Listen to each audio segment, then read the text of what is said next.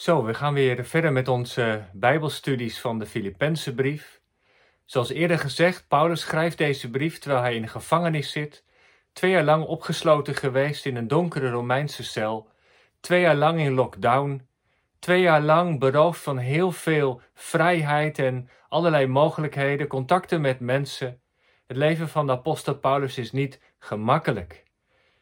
Wij in deze tijd van coronacrisis zijn ook van veel vrijheden beroofd. We zitten thuis, moeten thuis werken. Het contact met mensen die ons lief en dierbaar zijn is veel ingewikkelder geworden. We kunnen niet zomaar even iemand opzoeken wat we heel graag zouden willen. En juist in deze tijd is het belangrijk om bezig te zijn met de woorden van God. En we zijn de Filippenzenbrief aan het lezen omdat we geloven dat daar een hele bijzondere boodschap voor ons ligt opgetekend. Een boodschap die ons kan helpen ook in deze tijd staande te blijven.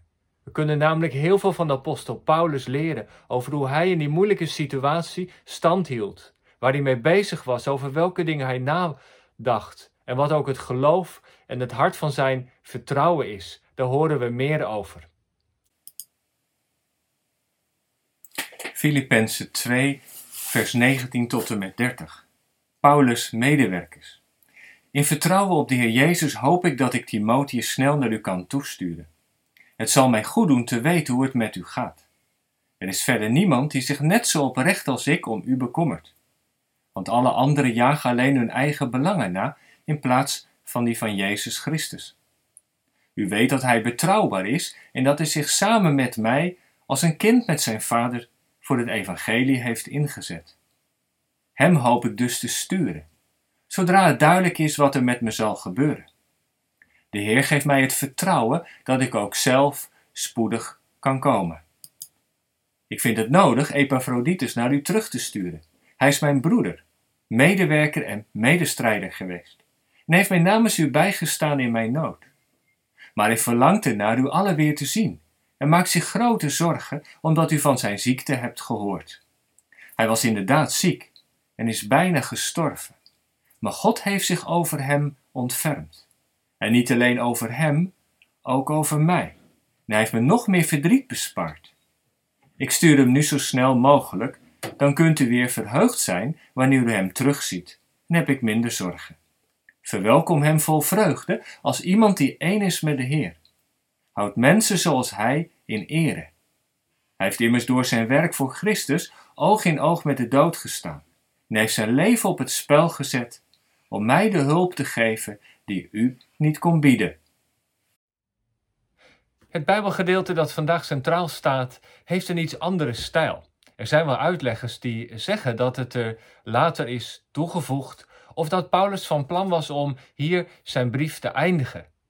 Ineens na dat prachtige hoofdstuk 2 over Jezus die in de gestalte van God was, mens werd, verheerlijkt, de aansporingen om je eigen behoud uit te werken en als lichten te schijnen in een donkere wereld, krijgen we opeens zomaar een inkijkje in het leven van twee mensen die zich in de nabijheid van Paulus bevonden, twee van zijn medewerkers. Eerst zegt Paulus iets over Timotheus, daarna iets over Epaphroditus. En dan in hoofdstuk 3 gaat hij weer uh, ja, met zijn betoog verder, diepe woorden over uh, zijn roeping en wie God is en waar Paulus mee bezig is. Het lijkt wel een soort intermezzo. Het zou zomaar kunnen natuurlijk dat apostel Paulus uh, deze brief in meerdere etappes of meerdere fasen geschreven heeft. Dat hij bezig was met iets en dat even een contact was, dat een van de medewerkers bij hem langskwam of, of dat er een gesprek ontstond dat hij zijn werk even onderbrak. Het zou zomaar kunnen. Maar wel interessant om even iets meer te horen over deze twee mensen. Timotheus aan de ene kant, Epaphroditus aan de andere kant. De eerste versen 19 tot en met 24 eh, gaan over Timotheus. Hele mooie en diepe dingen zegt apostel Paulus over hem. Er is niemand die zich net zo oprecht als ik om u bekommert. Mensen jagen eigen belangen na in plaats die van Jezus Christus. Maar u weet dat hij, Timotheus, betrouwbaar is. Dat hij zich samen met mij als een kind met zijn vader voor het evangelie heeft ingezet.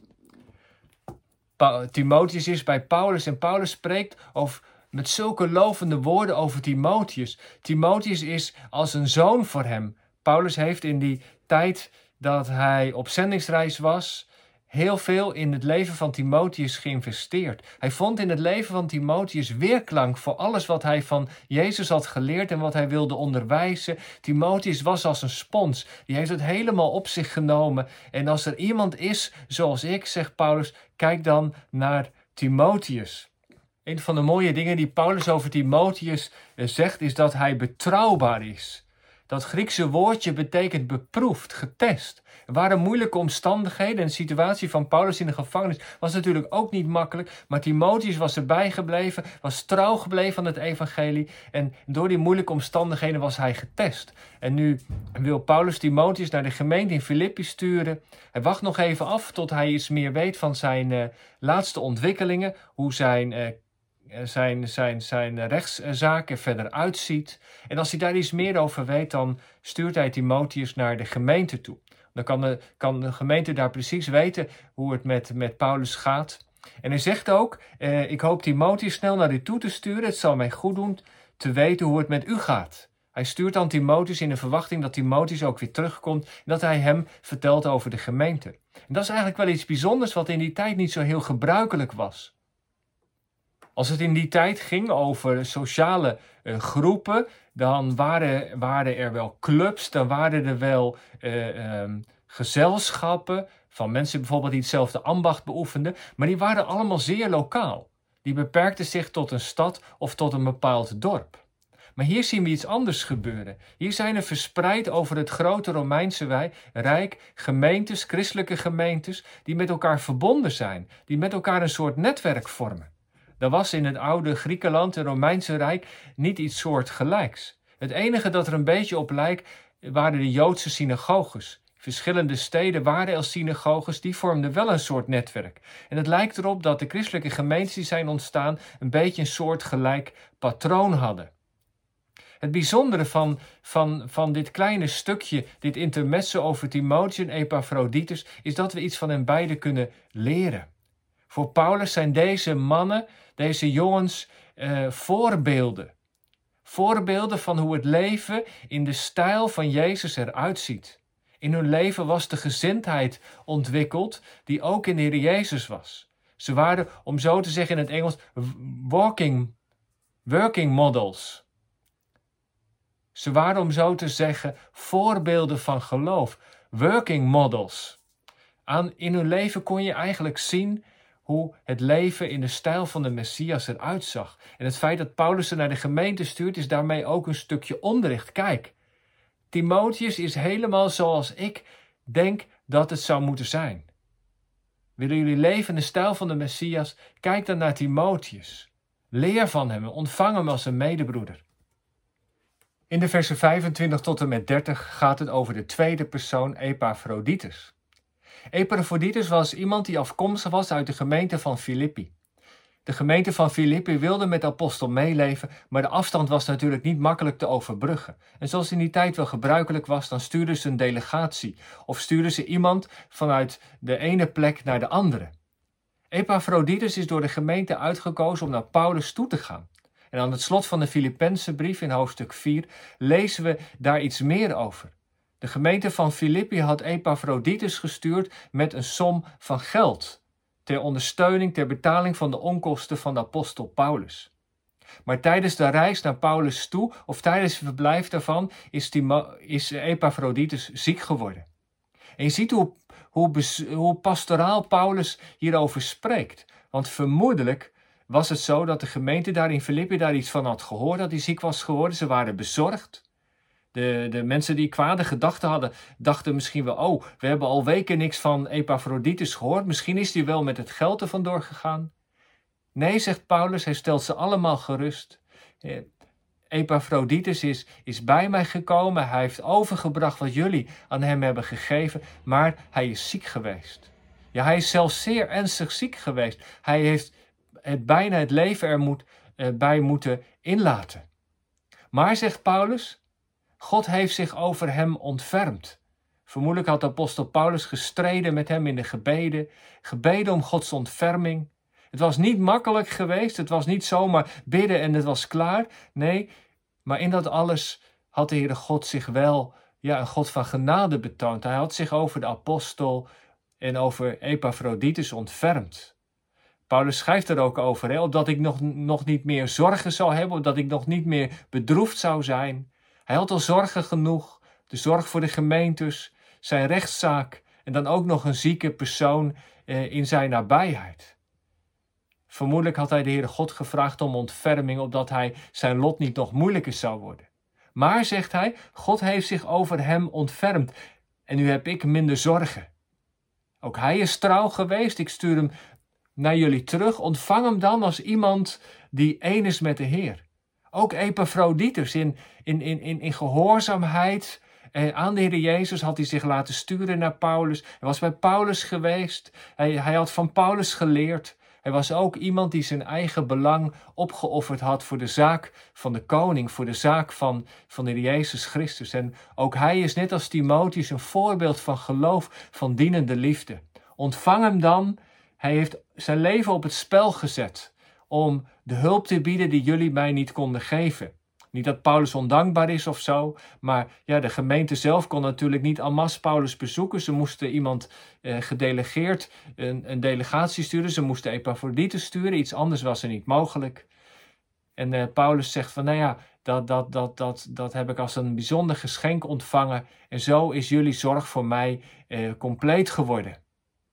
Nou, tot slot nog een uh, enkel woord over de toepassing. Wat kunnen we met dit Bijbelgedeelte? Ik dacht in ieder geval drie dingen. Um, zowel Timotheus als Epaphroditus waren mensen die betrouwbaar waren. Paulus roemt ze, want uh, hij kon op ze rekenen. Ze, Epaphroditus bijvoorbeeld, die was ook zuiver geweest met het geld wat hij van Filippi had ontvangen. Dat hij bij Paulus afgeleverd. Het waren mensen die inderdaad waarop je kon rekenen. En die daarin door, door Paulus ook worden aanbevolen. En ik denk dat het voor ons ook belangrijk, belangrijk is dat wij betrouwbare mensen zijn. Dat mensen op ons kunnen rekenen. Dat als ze ons iets toevertrouwen, dat we daar zuinig op zijn. Als ze iets tegen ons zeggen, dat het bij ons veilig is. En uh, dat is uh, een karakter, ja, een eigenschap die we van de apostel Paulus kunnen leren, die we van de Heer Jezus kunnen leren, maar die in het koninkrijk van God heel erg belangrijk is. En als tweede, um, zowel Timotheus als Epaphroditus waren beschikbaar beschikbaar voor de Jezus en beschikbaar voor de gemeente.